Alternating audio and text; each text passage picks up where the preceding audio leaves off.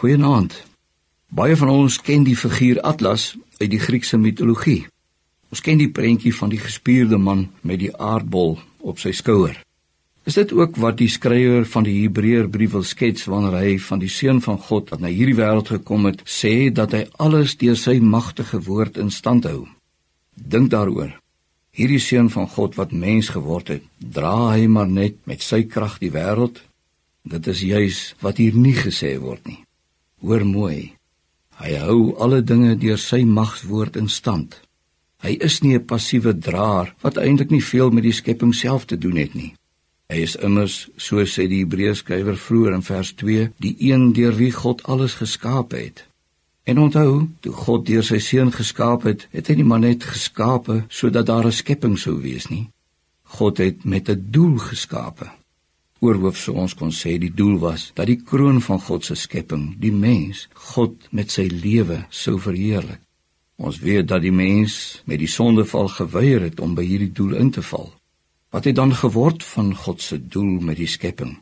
Het hy die werke van sy hande laat vaar? Hierop gee die Hebreërskrywer 'n duidelike antwoord.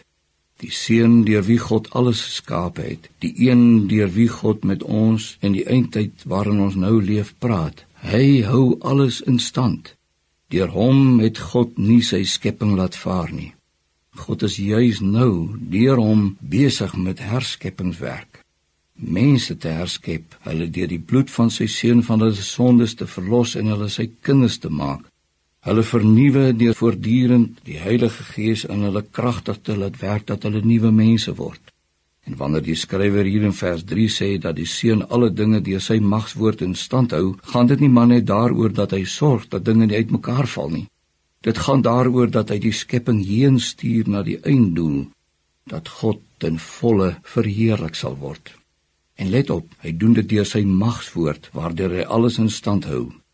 Gepraat van magswoord, hy is die een deur wie God alles geskaap het.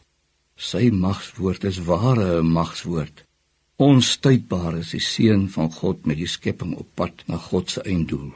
En hierdie is iets wat vir ons voorop moet staan, so naby aan die jaarwisseling.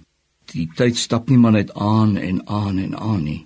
Ons verlosser stuur die skepping na sy einddoel waar God in volheid verheerlik sal word.